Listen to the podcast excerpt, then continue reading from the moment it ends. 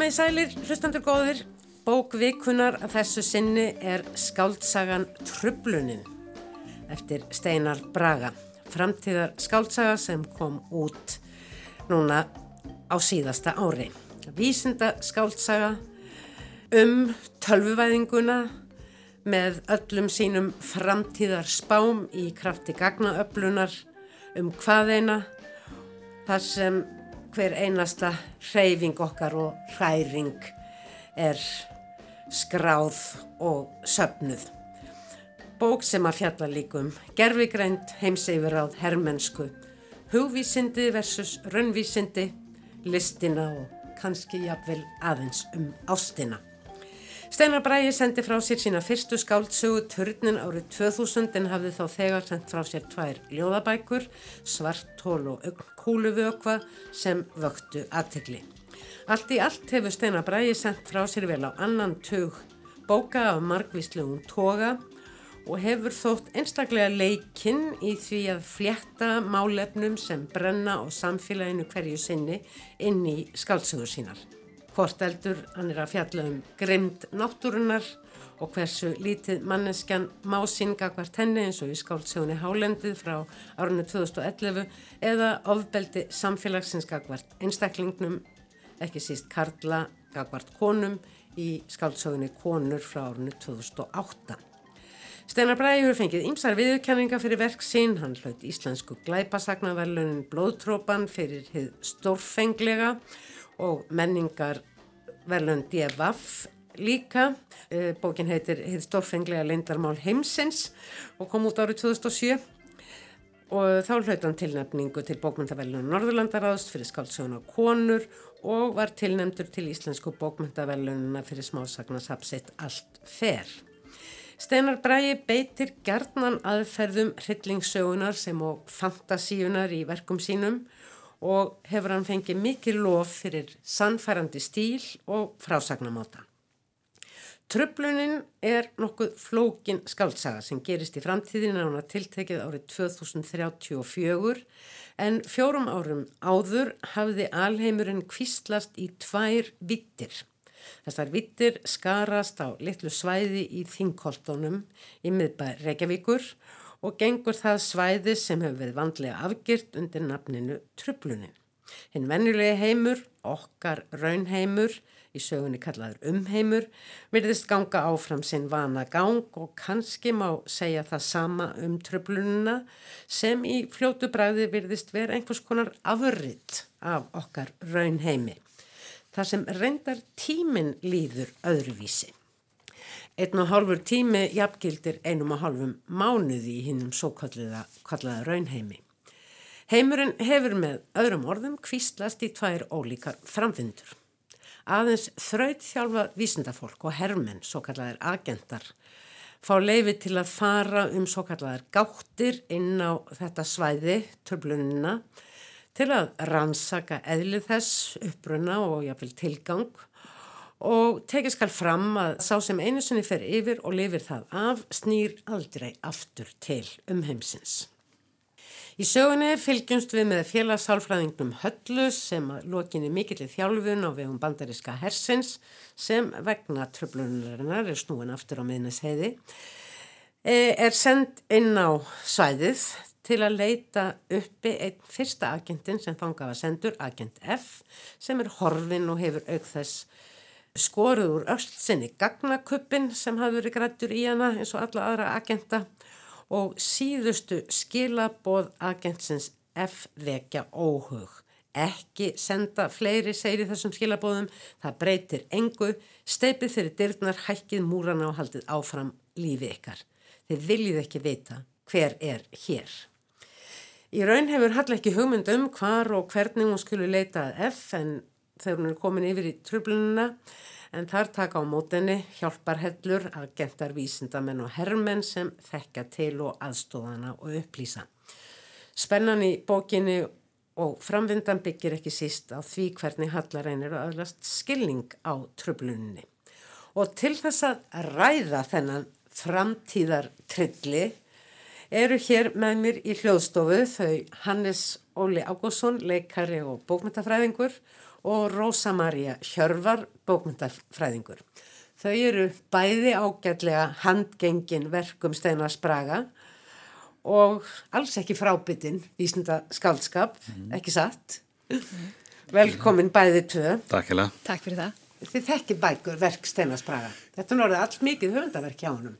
Já, ég hef nú ekki lesið alveg allar en svona um, þorran af þeim, eh, svona flest mm. allar og, og, og, hérna, og þetta er höfundur með mjög einkennandi stíl og einkennandi frásagnamata eins og það segir og þessi bók er að mörguleiti einstökun, hún er mörguleiti einni líka mikil Steinars Braga bók. Já. Hvað var það sérstaklega svona andrústloft og hérna, já, sérstaklega því leiti en, en, en svo eru líka svo öðruvísi því þetta er alveg sko fyrsta bókin hans því hann er oft sko leikið sér þú tala um leikið sér á línu svona hryllingsbókmynda og fantasíu en þetta er alveg að mínum að þetta er hreinræktuð vísindaskálsa mm. bara í anda Philip K. Dick og, og svona þannig höfunda mm. Já, það er einmitt Steinabræði hefur svona skapað sér markað sér svæði sem þessi höfundur sem þorir og getur krufið samfélagið og menningar fyrir bæri og, og gert það með svona ymsum verkfærum um Ég persónulega hef stundum átt erfitt með að lesa hann.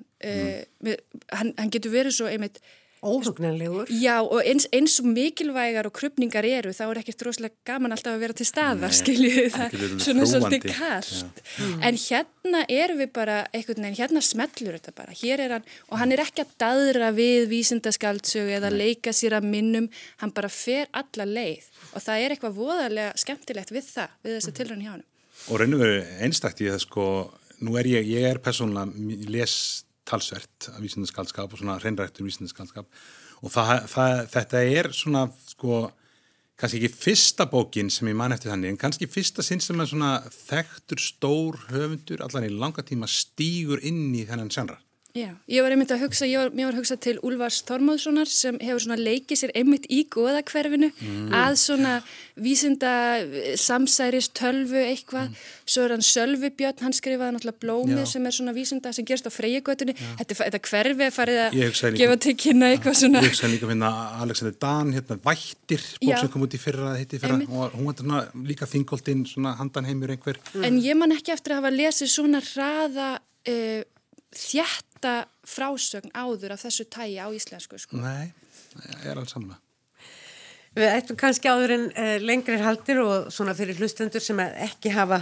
lesið skáltsöguna að heyra aðeins í verkinu sjálfu, hlusta á höfundin lesa svo litið brot og við grípum þar niður þar sem félagssálfræðingurinn Hall er nýkomin yfir og er að velta fyrir sér hvað hún sé stödd og hvert verkefni hennar sé. F var femta manneskjan til að sleppa lifandi í gegnum hjúpin á tímabili þegar dánartíðinin var nálagt 92%. Í umheimi var hún góðsögn eða alltaf því. Hún hafi verið eitt af örfáum andlitum aðgerðana eftir að fjölmiðlar og almenningur heimtuðu sögu og frammyndu, hetju, þegar kemi að viðbröðum við trubluninni. Þegar F tókaði sér verkefnið gaf hún frá sér fortíð sína, lendina og dullnefnin enda ólíklegt að hún myndi framar starfa á vegum hersins eða yfir höfuð snúa aftur heim. Innan NATO gekk hún undir nafninu Agent F eða bara F. Hún kom inn á vegum Amerikanana en sá um stöðina sem NATO var útlutað eftir að þau heimtuðu yfiráð yfir einni af gáttunum. Hún var mentið í stjórnsýslufræðum hjá Yale, starfaði í Washington og skrifstofu öldungar delta Þingmanns republikana sem var yfirskín fyrir mentun hennar í Langley. Alliða nám í njósnum með áherslu á gagnaöflun á óvinnasvæði. Eftir það starfa hún í tíu ár fyrir CIA í sendiráði bandarækjana í Moskvu og næstu tvo áratugi hjá DARPA í Sílikondalum. Eins og fleiri agentar í fyrstu bylgunni áttu hún að koma á tengingu við umheim svo hámarkamætti hjálpina þaðan, setja upp samskiptanett og starfstöðvar, tryggja vinnufrið fyrir fyrsta vísindafólki sem fóru yfir og hjálpaði að skissa upp rannsóknarverkefni fyrir næstu bylgu. Eins og þetta væri ekki nóg áttu hún líka að kortleggja trublunina í samráði við stopnarnir hersins og ákvarða hvernig best væri að skilgreina svæðið. Náttúrulegt sem fól í sér svarthóls og margra heimakenningar, kollektífa skínvillu sprotna úr ákveðnu landslægi, terroir, trublunarinnar, sem var grunaði mig heimavöllurinn minn, eða rannsóknarstöð á vegum annarar siðmenningar, gestakenningin svo kallaða. Það dyrðist enginn að tala um gemverur. Stórar spurningar. Í þessu broti stutta tiltölu að snemma í sögunni er ímislegt nefnt sem á eftir að fylgja okkur í gegnum söguna allar. Þessar stopnarnir eins og darpa, drapa, darpa. darpa heitir það, sem er eh, mikil gerfi greindar og, og tölv eh, og, og rannsóknarstöði í því hvernig stafrænan getur hjálpað til í margvíslegum skilningi, jáfnvel mm. hjálpa mm. til þess að bandaríkjumenn ná yfir á meður öllum heiminum bara. Hernaðum skilningi bara. Já.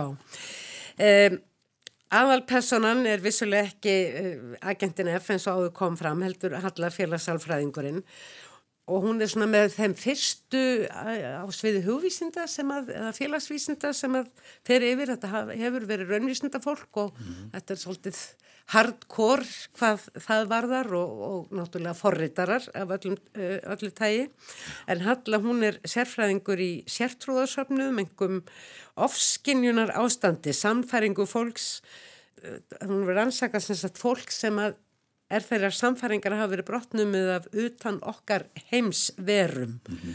og hvernig hvað, hvað þetta fólk sem hefur þessa, á þessa ránkumindi sameinlegar, ef ránkumindi skildi kalla, mm. enkennir það. En halla á sér líka engalíf og sem við fáum svona aðeins einsýn í öfugt við eh, sem við fáum jú ekki um aðrar personur Nei. bókarinnar, það eru eiginlega bara funksjón. Hvað fannst ykkur svona um personuna höllu? Við fylgjum henni jú, hún leiðir okkur eða afvega leiðir. Já, ég, ég veldi mörgu fyrir mér með höllu en það er svo margt sem maður, maður hugsa núna eftir að lesa bókina sem maður, maður ætlar ekki að fara að ræða fyrir, les, fyrir þá sem hafa ekki lesið hana ennþá. En Nei, það er alltaf svo erfitt. Þetta er mjög svona mikið jafnvægisganga því að þessi, þetta, er, þetta er mjög þjætt flétta og halla náttúrulega svona það sem, það sem tengir alla þræðina. Mér finnst skemmtilegt hvernig Steinar Bræði vísar alltaf aftur og aftur í Neil Armstrong í verkinu, þetta skrefa tunglið. Og Halla hefur þannan eiginleika sem er svo ótrúlega mennskur að hún er eiginlega bara alveg fram á síðustu blæsu vissum að hún geti rúmað hún geti skilið þetta. Já, og náð utanum náð þetta. utanum þetta. Og það er alltaf verið að gefa henni hún lifir í þessu, í þessu hún veit að það eru skinnvillur og hún veit að það er eitthvað svona óræðið í gangi en hún, hún, hún efast aldrei um að mannlegur skilningur muni og það er þetta svona, þetta mennska, ef við bara googlum rétt eða, mm. eða finnum þetta, að hvernig við getum oft anað inn í, inn, inn í hliðarvitt, þú veist, verandi félagsalfræðingur, er komin út í að rannsaka kannski einhverja mani og segir að þetta er nú ekki endilega mitt sérsvið en ætli ég geti þetta ekki bara, við mm. rettum mm. þessu, það Já. er svona voða mm. það sem er. Ég er jú manneskja og hlýta ekki að skilja það sem manneskjur finna til og upplifa. Og ég er hugsandi vera og ég, ég, ég, skal, ég skal ná til bots í þessu mm. og það finnst mér voða heitlandi við hana sem manneskja. og svo náttúrulega gerum náttúrulega settið þannig að hún er hérna, uh, hún er kýs einhvern veginn í kjölfar ástarsorgar að yfirgefa raun og veru bara mennskan heim, þú veist, hún bara samfélag manna og tilninga sér þessu verkefni. Já, henni sama þó hún komi aldrei aftur tilbaka. Já, þannig að þú veist, hún er að reyna, hún bara einhvern veginn, að því hún skilur ekki, hún næri ekki, þetta er málega sko, hún, að því hún næri ekki utan á ástarsorgina og skilnaðinn, þá bein hún orkuð sín í þetta sem þú veist að tala um, skilur, að reyna að skilja þetta, hún, sko, tröflunin á sér stað á samansipjum tíma og hún bara beitir allir sínu sorg í það að að raun og veru forna lífi sínu fyrir þekkinguna skilur, mm. hún, hún stýgur úr, samfélagi manna yfir í samfélagi hugvístina sem er þetta svona eh, líka þemi gegnum margt annað í bókinni Já. Eh, þetta sko því að allir sem fara inn í tröflununa er að forna lífi sínu mm. í einhvers slags tekkingaleit og það, þessi spurning er síðan eh, svona, hún kemur upp aftur og aftur þú veist hversu, virð, hversu langt eru við tilbúin að ganga fyrir tæknithróun, vísindi mm. uh, hérna, nýja vittnesku, nýja vittnesku mm. nýtt samhengi já, og, og það hverfist allt, allir þeir þræðir hverfast í gegnum hana sem er alltaf að reyna reyna, er, veist, er búin að forna lífisinn til að reyna að skilja það sem er í gangi og nær aldrei, þú veist, hún leitast til þess en nær aldrei almenna auðvitað því að tröflunin er tröflandi en hún er svo rosalega hérna erfitt hann auðvitaðnum en það Já, en maður mað getur náttúrulega ekki sagt á mikið Nei, akkurat en, en svo líka skemmtileg staðrind þetta, þetta með hún sé Íslendingur Já. og sé, við séum á skólaverðarhaldinu og maður verður svona, við erum náttúrulega Íslendingar og okkur finnst mm. nú voða gaman en það er líka... Hún á minningar já, úr skóla og, og eitthvað svona akkurat. en svo skiptir það bara svo ótrúlega litlu máli og það er skemmtilegt þegar hún kemur inn á, á hótel Óðinsvér og, og sér svona byrtingamind, svona þjóðurnisromantíkur það eru, það, það eru myndir af hestum og, mm. og þetta skiptir hann engum máli og í rauninni er mjög skýrt frá upphafi að Ísland og íslensk menning er algjörlega, þetta er tilviljun að hún skulle vera Íslandingur Já. og hún segir mér þess að sjálf, getur við ekki bara, þetta er bara þessi tröflun er bara á einhverju eigu getur við ekki bara hægt að fara á hanga Svo saman tíma sem Steinar bara gefur okkur svona hérna þessi íslenska hetja mögulega, mm. þá grefur hann undan þjóðastöltinu Gerur hann líka ver sem er, hún er aldrei einhvern veginn áreitnum stað, hún er, hún er útlendingur, hún, hún er svona já, hún Til hlýðar við. Já, algjörlega. Já. En svo finnst mér svo ótrúlega fallega þessi sena uh, þarna fyrir framann kirkuna Já. sem að er svona gegnum gangandi mynd og gerur gerir höllu einhvern veginn heillandi og eftirsokna verða að kynnast. Mm. Hún, fyrsta sinn þá leggst hún með pappa sínum sagt, eh, flötum, eh, flöt með hælana upp við kirkjuhörðina og horfir upp eftir turni Hallgrímskirkju mm. sem að verður þá eins og vegur. Vegur til stjarnana. Já.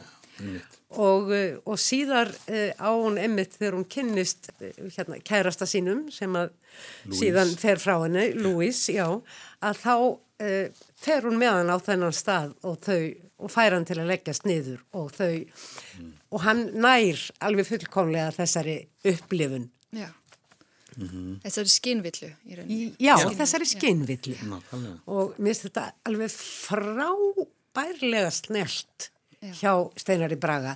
Eh, Þess, þessi mynd hún, verð, hún, er svo, hún er svo grípandi hún er svo skiljanleg og hún er svo hillandi og við, þekkjum hann svo vel þetta er svo íslensk líka þetta er, er hérna og hverstagsleg mm. en enga síður ósað fantastísk og dreyminn þetta er vegur til stjarnana mm. sem á sig líka tengingar í, öðrum andrum bókarna þess að segja mikið sko. Já og einmitt þetta svona hvernig hann honum tekst aftur og aftur með svona innföldum þarna bröðum mm -hmm. að, að halda bæði frásögninni gangandi en að diffkana því að mm. ég veit ekki, ég, ég er að ganga fram hjá Hallgrænskirkju ofta viku og ég er búin að vera alveg svona hver, það mun gerast að ég laumast þarna upp að prófa þetta Já, mér langar þetta líka til að gera það og ætlum að mun ekki sjá marga liggja á bakinu þarna, þegar hlýnar aðeins Já, hlýnar aðeins sko. Já, sömur kvöldum mm. En þú varst að tala um mennskuna hérna, uh, Hannes, mm. og það er einhvern veginn svona, þó að við séum þessi bóksi stöðut að, að fjalla um gerfigreind, víða og þrönga og, mm. og, og, og hérna í rauninni eftirlit og skráningu mm. og þennan stafrana heim og og ótalstofnanir eins og ég sagði á þann og fyrirtæki nefnd sem að söm hver googlaði ég og söm kannadast ég nú við en þetta er mm. allt saman til mm. og en þá er það mennskan sem að hérna skiptir einhvern veginn öllu máli. Mm. Heyrum aðeins hvað höfundurinn sagði um uh, mennskuna. Já og allir það sem sko saminni ekki allt þetta sé bara mennska, hvað er mennska? og uh, hvernig er mennskan að breytast á, á stafrænum tímum og hvernar sko er for, forspár nálgunin um hegðun okkar og mennsku farin að aktíft stýra því hver við erum frekar en að endurspegla það. Algoritmanir taka mjög fljótlega völdin þegar hætta að, að veita er það sem þú vilt heldur það sem þeim hendar og býr einhverstaður djúft í upplægi þeirra og hannun í einhverjum sko svörtum kassa gerfigrendar sem er orðin svo flókin í dag að ekkert okkar skilur hana eða hvað fer fram millið þess að inputið kemur og outputið og mennskan er sko, ég veit ekki, hún er að harða hlaupum og það ég held að við aldrei verið, sko, víguvöllurinn hafi aldrei verið starri og polariseraðri þegar kemur að því hver við erum í dag. Þetta er daldið stórt tema Já. og hann er að reyna að halda utanum það og opna þetta tema um leið í mm -hmm. þessari sögu ekki satt. Já, ég, mér verður bara að hugsa sko, mér var mikið hugsað um náttúrulega uh, það er alveg að lesa þessu bók líka sem ákveðna algóri eða átilega ánáttúrulega bara uh, þann stafrana veruleika sem allir er fannir að lifa uh, hérna, sem ég, hérna bara tímum Facebook og Instagram og ég veit ekki hvað og hvað og hérna, og, hérna ég til dæru nýla búin að horfa hérna heimildamindina hérna, Social Dilemma það sem mm. að kemur sér skemmtilega lína það er ekki, eða, pæling, veist, það er ekki lengur verið að selja þér vörur heldur þú ert varan mm. nú er þú veist, allir þetta dæmi hefur gert fólki að, að fólk er orðið þú, þú ert söluvaran sem stórfyrirtækin er að selja millisín sko og þá þegar maður ósélagt að hugsa um skiluru bara náttúrulega líka samíkjast bóklutis og The Matrix og þetta dæmi það sem að við manneskjur eru þjónar einhverju svona stærri samíkis og hérna og mér fannst það algjörlega skín í gegn ég fór mjög mikið að lesa Martísar bók út frá þessum spekli, kannski því að ég var nýbúin að pæli því en, mm. en, en, og hvernig við erum öll orðin ómeðvitað er þjónar einhvers annars eins og fólki inn í tröflunni er kannski einhverju leiti og, og, og, og hvernig svona hlutir sem við hefum eitthvað stjórna eru smá samla að taka yfir og svift okkur mennskunni í raun og veru mm. sem er held ég stort þema í þessari bók líka sko, hvernig fólk er svift mennskunni einhverju leiti Já, ég held að sé eftirtæktavert að þetta er ekki, þetta er ekki árið 3520, eh, Nei. þetta er bara 2030, þetta er mjög, þetta er innan seiling, seilingar. Og þó þessi margtíðsu, vísanan í margtíðsu verki sem ég skil ekki og bara viðkenni strax mm. með skamtafæðræði og, og svart og þá er grunnurinn í einu alveg og sérstaklega líka bara út af því höfundurinn er tröstaukjandi, þá, þá virðist þetta innan seilingar eh, sérst tæknilega séð, þetta er ekki, þetta er ekki mjög mm þarna eh, verðist ekki mjög langt undan þá eru fréttur um daginn að Elon Musk er að fara inn í höfuð á okkur. Svo, svo við erum Steinar bara ég er að taka að stá við, við bara þarna mjög svona relevant hluti og, og, og það er er, það er nefnilega svo, svo rétt hjá við, við getum sagt að þetta fyrsta tímabil með algoritmanum sem við höfum lifað og lifum mm. núna þar hefur það svo mikið snúist um að við séum að aðlagast honum Já. Ég þarf að spyrja Google á þann hátt svo að Google skilji hvað ég vilji. Ég bý til leitastrengin þannig að, að hún skilji mig frekar en þarna öfugt. Já. Næsta skref verður svo einhvers konar samþjöppun og þá er bara spurning hver ræður? er, það, er það hún eða ég? og, það er, og það er alveg raunverulegt vandamál og þegar við svo bætum við þessu sem við töluðum um á, áðan, þessi mentarhóki í okkur og, og mm. mannhóki sem er mm. hluta af þessari dásamlegu mennsku, að við höldum að við eins og við lofslagsmálun, við rettum þessu. Mm, við þurfum bara að finna, slá upp á réttum stað í bókin og finna lausnina og þá getum við alltaf lagað eftir á eða bara.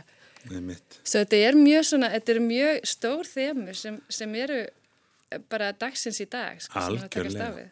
Og þessi tveir veruleikar sem að einhvern veginn er í gangi, maður, maður fann ósætt að lesa, skilur, hver, hvað er þessi tröflun, hvað veruleik er hún og þá fann mm. maður þetta hugsa um, skilur, hérna, sérstaklega líður ekki í bókina, þess, það er raunveruleiki okkar, okkar svona líkalega raunveruleiki og svo þessi stafræni eða þessi alternatív veruleiki sem við, við búum öll í. Alternatív, sko, að flestatir í heiminu sem taka þátt í stafræni veruleika að einhverju leti eru með sko alternatívan líf þar. Já. það eru tvö lífi, eru með tvö lífi í gangi. Eða það er ímyndið eða margar ímyndir í gangi.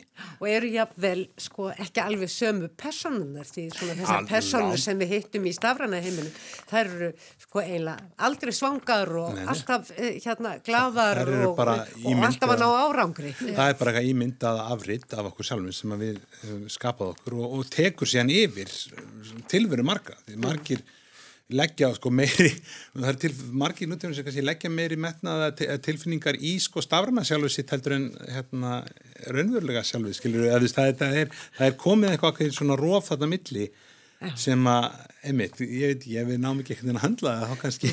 Á tímum COVID, þá náttúrulega erum við maður, það, fólk er bara heim í sófanum en svo er það allt öðruvísi á, á Facebook eða, eða bara jakkafötum niður að, að nafla.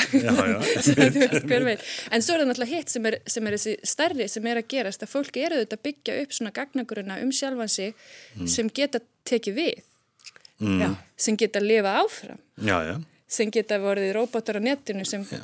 þarna aðstandendur geta að tala við og, og, og sjálfsveg við hefur ennur enga stjórna Já mm. og, og hver, hvar, er, hvar, er, hvar er ég í, í þeim veruleika mm. og þetta svona mjög spennandi pælingar með það. Mjög, og hann útferða mjög vel og ég myndi gera þetta mjög svona þú veist, maður fer að hugsa veist, hann, hann minnist aldrei á það fannig, skilur í bókinni er, veist, en maður fer eitthvað, hausinn fer þangað að hugsa um þessar, þessar, eða þú veist, það fer inn í það eitthvað tímpunkti en en þú veist, maður fór strax að hugsa að ég fór strax að hugsa um þetta hvort það væri að tala um þess að tvo veruleika sem við lifum sko. og það er einhvern veginn allt honum í hag líka þegar hann er að gera, það er eins og hann hafi bara verið setið undir bara einhverju lánsstjörnu þegar hann skrifaði þessa bók mm. því, að, því að eins og þetta með tíman um, þessa tí, tímamun tvo, tvo, bæði þjónar það er ólíku framvindu já, já. það þjónar svo vel framvindunni. Það, er, það gefur svo skemmtilegan spennu og, svo, og, og ger, gerir svo margt gott fyrir fléttuna. Mm. En svo eins og þú segir, bæði lýsir að það lýsir líka einhvern veginn hvað við erum eftir á sjálf og, og það til dæmis munið ekki þegar öldungadeilda þingmaðurinn saði við Mark Zuckerberg þetta viðskiptamótil gengur ekki upp, drengur Já, þú veist, um hvað ert að tala Facebook, þetta gengur ekki og þá er bara allt, að bandaríkja stjórnkerfi það, það er bara allt eftir á með við þetta, þetta fólk sem var í raunni búin að hanna heilt nýtt landslag, nýjan veruleik. Nýjan heim. Já, heim. svo þannig er þessu tvöfaldi þraði í, í þessum tækninýjungum sem við erum að takast á við. Nefnilega. Mm. En Steinar Bræði sem höfundur, hann hjálpar okkur líka því að Já. hann notar hér eins og reyndar hann hefur gert áður í öðrum skáldsögum, hann, hann grýpur til góðsögunar Já. og góðsagna minna mm. og einhvern veginn sko opnaðist þetta allt aldrei fyrir mér og ég hægt að láta það skipta mig máli að reyna að skilja allt það sem að mér er í raun óskiljanlegt í skamtafræðinu og strengjafræðinu og eins og þú varst að segja yeah. Rósa, þegar hann kom með þessa samlíkingu varðandi svona kollsteipur heimsmyndarinnar sem orðið hafa í gegnum mm. söguna eins og þegar að Delfi hætti að vera miðja heimsins eins og hún var á gullöld grískrar menningar mm -hmm.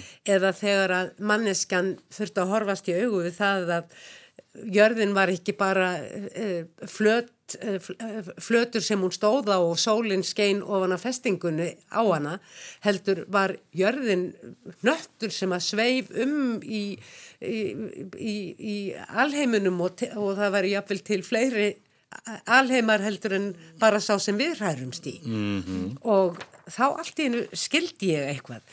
Ég spurði Steinar Braga aðeins út í þetta og mér fannst uh, hann svaraði því skemmtilega um kollsteipur og, og framtíðar sín Miðja heimsins hérna hjá Ford Gríkjanum var ekki í aðhennu heldur, heldur í Delfi þar sem Vífréttin hafði aðsettur það var það framtíðina Miðjan er byggða á sko góðsögum og fortíð sem varðar guðina en sko hlutverk miðjunar er framtíðin.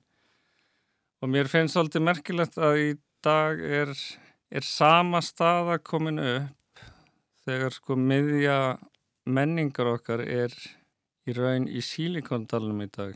Og það sem allir keppast að í sílikondalunum er forspá Það er, að, það er að spá fyrir um það sem við viljum og veit okkur það. Í bankakerfinu snýst gerfugreind um að spá fyrir um reyfingar markaða. Þetta eru þessar tvær miðjur. Menningarlegur svo sem varðar bankana sem við sitjum uppi með í dag alveg eins og fyrir löngu síðan. Einmitt. Þetta er uh, ótrúlegt ævintýr mm -hmm. og uh, og svo þarf náttúrulega einhvern veginn að enda þetta þetta æfntýri og þessa sögu. Ég gerir ráð fyrir að ykkur hafi ekki verið öðruvísi farið heldur en mér að, að endurinn hafi e, já, komið ykkur á óvart eða fannst ykkur hann jáfnvel mislukkaður Nei, alls ekki. Nei, alls ekki, ég, ég er mjög hrifin að hendinu Já Ég verði að segja það sama og ég, og ég það, gerði það, nú veit ég ekki hvort það var kannski að því að ég var að koma að hinga, en ég las hluta bókarinnar aftur um, sem maður oft segir að maður ætla að gera eða hugsa, en gerir ekkert enn til alltaf, en, og það var líka mjög skemmtilegt Mm. Því að þá allt í hennu vissi maður eitthvað. Já, þetta er algjörlega svona bók sem ef maður veit endin, þá var það gaman að skoða hann aftur sko, og horfa hann frá því. Og svo, svo þetta, þetta diffkaði virkilega upplifuna endurinn, hún var alls ekki. Og það er nefnilega oft erfitt í svona sci-fi, það er eins og Stephen King er þekktur fyrir það að leysa þetta bara einhvern veginn. Já, já, hann er oft mislagur í endir á bókunum hans. Þannig að það getur verið, en, en það er, hefur greinlega, hann hefur greinlega virkilega nýtt þetta saman frá upphæfi. Er alveg saman að því og, hérna, og ég vil líka segja sko að því við nú erum við búin að tala mikið um stór, stóra hluti og stóra hugmyndir Já. en þessi bók er líka alveg sko þræl spennandi og hún, hún, hún nýti sér þú veist þess að segja vísindaskáldskas formið og, og, og ég eppir líka bara svona misteria, þú talar um framtíðar trillir, ég menna mm -hmm. þetta er að vera að leysa mál, þetta er þetta er fólk á svona on a mission það, er með, það, er verkefni. það er með verkefni og, og hún er rosa gott tempo í sér bók og það er Já. stöðugt að koma nýjir hlutir, hún kemur mér mm. á óvart bara kabla eftir kablastundum koma nýjar upplýsingar og veist, það gerir hann að hún er ekki bara með stórar og flottar hugmyndir sem stundum taka daldið pláss og stundum er það svona daldið útskýrandi eða það er daldið útskýra eitthvað alls konar kenningar og teóriur en hún er, e, það er rosa gott tempo í henni og, og mm. maður, hún, maður, hún er algjör svona bladaflettir, maður er alveg bara En samt getur maður ekkert hlaupið á henni Nei, maður getur ekkert hlaupið á henni en hún heldur hún, Mér finnst hún sko halda mann stöðust gangandi og með því bara, sko, það er alveg sögurþráður sem að er sífælt að hérna, snúast upp á hann, skilur Já, og, þetta er svona, þú fyrst tilfyrkjum Jason Bourne bíómynd, maður já. bara byrjar að hlaupa með einhvern veginn og svo er maður já. bara og það sem ég veist taka svo vel, það sem ég er náttúrulega ég er mjög gaman að vísindaskaldskap en ég er oft kannski meira í svona húmor hlið, eða þannig að Terry Pratchett, Stephen já, King já, já. Emil Hjörvar hafa gert mjög skemmtilega hluti og svona, þannig að e, þetta er ekki svona típisk bók fyrir mig því að það sem er oft mjög þungt í vöfum er þegar það er að útskýra heiminn mm. mm. og svo einhvern veginn, það kemur einhvern svona pása hér, þingdalagmálið og svona og, og ég, og ég, þú veist að maður sopnar en Steinar Bræði er svo góður höfundur mm. að hann bara næra að koma þessu þú veist, auðvitað eru útskýringar mm. en bæði getur maður bara treyst þeim og bara, og treyst honum mm. og bara haldið áfram að lesa og þessi bók, það er þetta að lesa hann sem reyfara mm. Já, einmitt. Bara, bara í sumabústæðinum og maður þarf aldrei að pæli skamtafræðið eða neinu. Neini. og hún heldur manni. Og svo getur maður farið einmitt bara eins og við erum mm. pínu að gera að kafa Svo hún er, þetta er bara mjög velhæfna verk. Mm. Hún er alveg hérna, þetta mitt stílin á henni er einhvern veginn í anda bara, ég hugsaði X-Files líka eitthvað svona, eitthvað þannig. Já. Matrix. Já, smá Terminator eitthvað svona, ég fór bara í svona maður var hugsað þannig og svo reynda fannst mér mjög eins og bókmyndum, eh, veit ekki það ekki Philip, Philip Dick og, og þannig já, svona 70's, 80's bandariskra vísindarskra ég þekki það ekki. En, en það sem er ekki í henni er húmor. Nei, það já, mjög, og það er mjög fyndið því að það er sagt á einu stað að gerfegreindin sé sé kent húmor. Já, og það sé hluta því að vera mennskur. En hérna eru við, þetta, þetta, þetta er kallt innlit í mm. á okkur sjálf og, mm. og takmörk okkar -hmm. og, það er, og það er ekki með svona hlýju eða húmor alltaf. Nei, það er þrúandi stundu stemning enginn er oft bara eh, verk steinaspraga þó þessi ekki alls ekki all húmorslausi þeir eru oft svona datið svona þung, þrúandi stemning sem að kannski ekki alveg upp á þessari bókar en hún svona alveg hún ágerist, kem, hún ágerist. en hún virkar svo vel mjög vel það er svona þetta par um, Uh, listakonan sem að, uh, að skrifast á við gerfigreindina, hvað heitir hún að Kría. Kría. Og, og Davíð, Davíð. Uh, það, ég hef alveg viljað fá aðeins meira þeim. Já. Ég hlóð reynda mikið af því því að ég er doktorsnefn og þetta með að hún hefði gefist upp að lorri framfærslu og núðlusúpum og sliðis og farið að vinna fyrir, fyrir þarna íllöfl það var, svolítið, það var mjög fyndið sko. en já, það, það kemur að koma nokkra personur og þarna Örn líka. Um, og, og Dr. Más Dr. Más og Tóni Tóni Tóni, Tóni sem, sem verðist breyta svolítið um nafn líka. Þannig að það er það, en það er, það er ekki mikið verið að Þa, það er þessi funksjonalism. Það er ekki verið, verið að púka upp já, á... Ég myndi að segja að Kría, hún er svona kannski stærsta person sem að færta allir miklu einsýn í hérna í í þakk íbúðinu á lokastíknum sem ég, ég verði að viðkynna í beinu útsendingu að ég var eins og ég bjó í þessari íbúð sem að stórliti söguna á þessi stað í, í svona nokk, já, sju ára og, og seldi hana í mitt steinar í Braga. Sem held ég að það er einhver raunveruleiki. Það er algjör raunveruleiki, það er alveg, og var ultrarealismi fyrir mér alltaf hann upp á hálóftinu. En svo persóna, já, hún er, hún er svona saga hennar, svona ákveðin, hún er svona lítil dæmisaga eða inn í, svona saga inn, inn í sögu, sko, saga hennar sem er mjög, mjög líka skemmtileg. Já, einmitt, þetta er skemmtilegt með staðsetninguna og að því að við, eða, lesendur Steinar Spraga hugsa ég að þekki nú flestir vel til þingkoltana og miðbæjarins, mm. að þá verður sagan einhvern veginn svo hún verður svo mikið hlut af manns eigin veruleika. Eigur á það.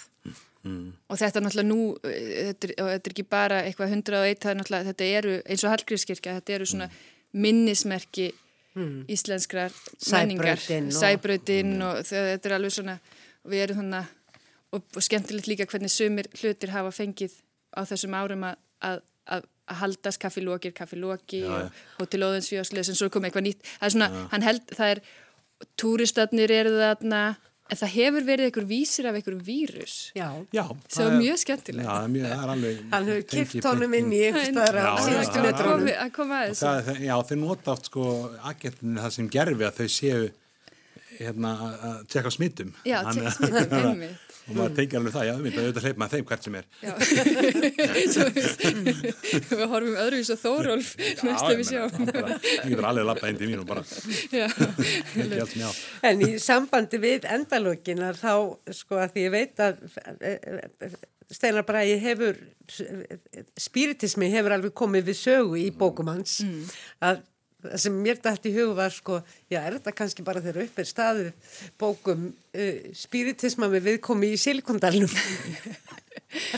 Já, svona, já þetta er náttúrulega við erum á andlega sviðinu og það, og það eru alltaf þessi mismunandi tólkunamódel sem við leggjum yfir yfir hvað við eh, þarna, hvernig við álítum þess hugsanir okkar og hugarheim mm -hmm. og í dag er þetta náttúrulega erum við að tala tungumál stafrana menningar og, mm -hmm. og þarna og skiljum þetta út frá því en, en spurningin er kannski grunn, grunn, í grunninn svo að vitum við nokkuð tíman hvað þetta er einhvern tíman var þetta óraklið þarna við fréttin í Delphi, mm -hmm. einhvern tíman er þetta spiritismi nú, er þetta tölvurnar mm -hmm.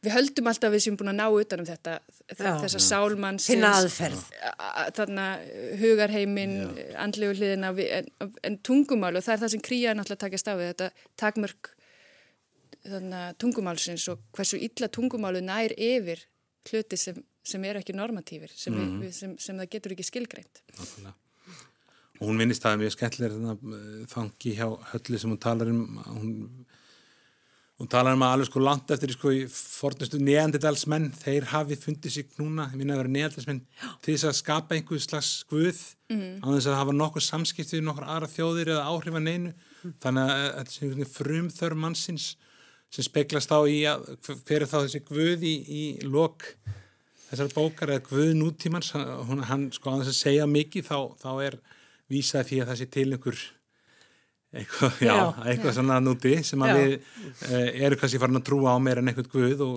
og ráða yfir og sem ræður yfir líf okkar mm. eða eða við bjóð, bjóð, bjóðum inn í líf okkar tökum, tökum fagnandi. Absolutt. Nei, við meðum ekki segja mikið og uh, kannski heppilegt að tíminn skuli akkurat vera á enda runnin Uh, Rósa Maria Hjörvar og Hannes Óli Ágússon þakk ykkur innilega fyrir að koma í þáttinn bókvikunar og ræða um trublununa eftir Steinar Braga. Uh, Lítiða Gretastóttir sá um tæknina hér. Ykkur hlustendur góðir þakka ég fyrir áhernina. Verðið sæl.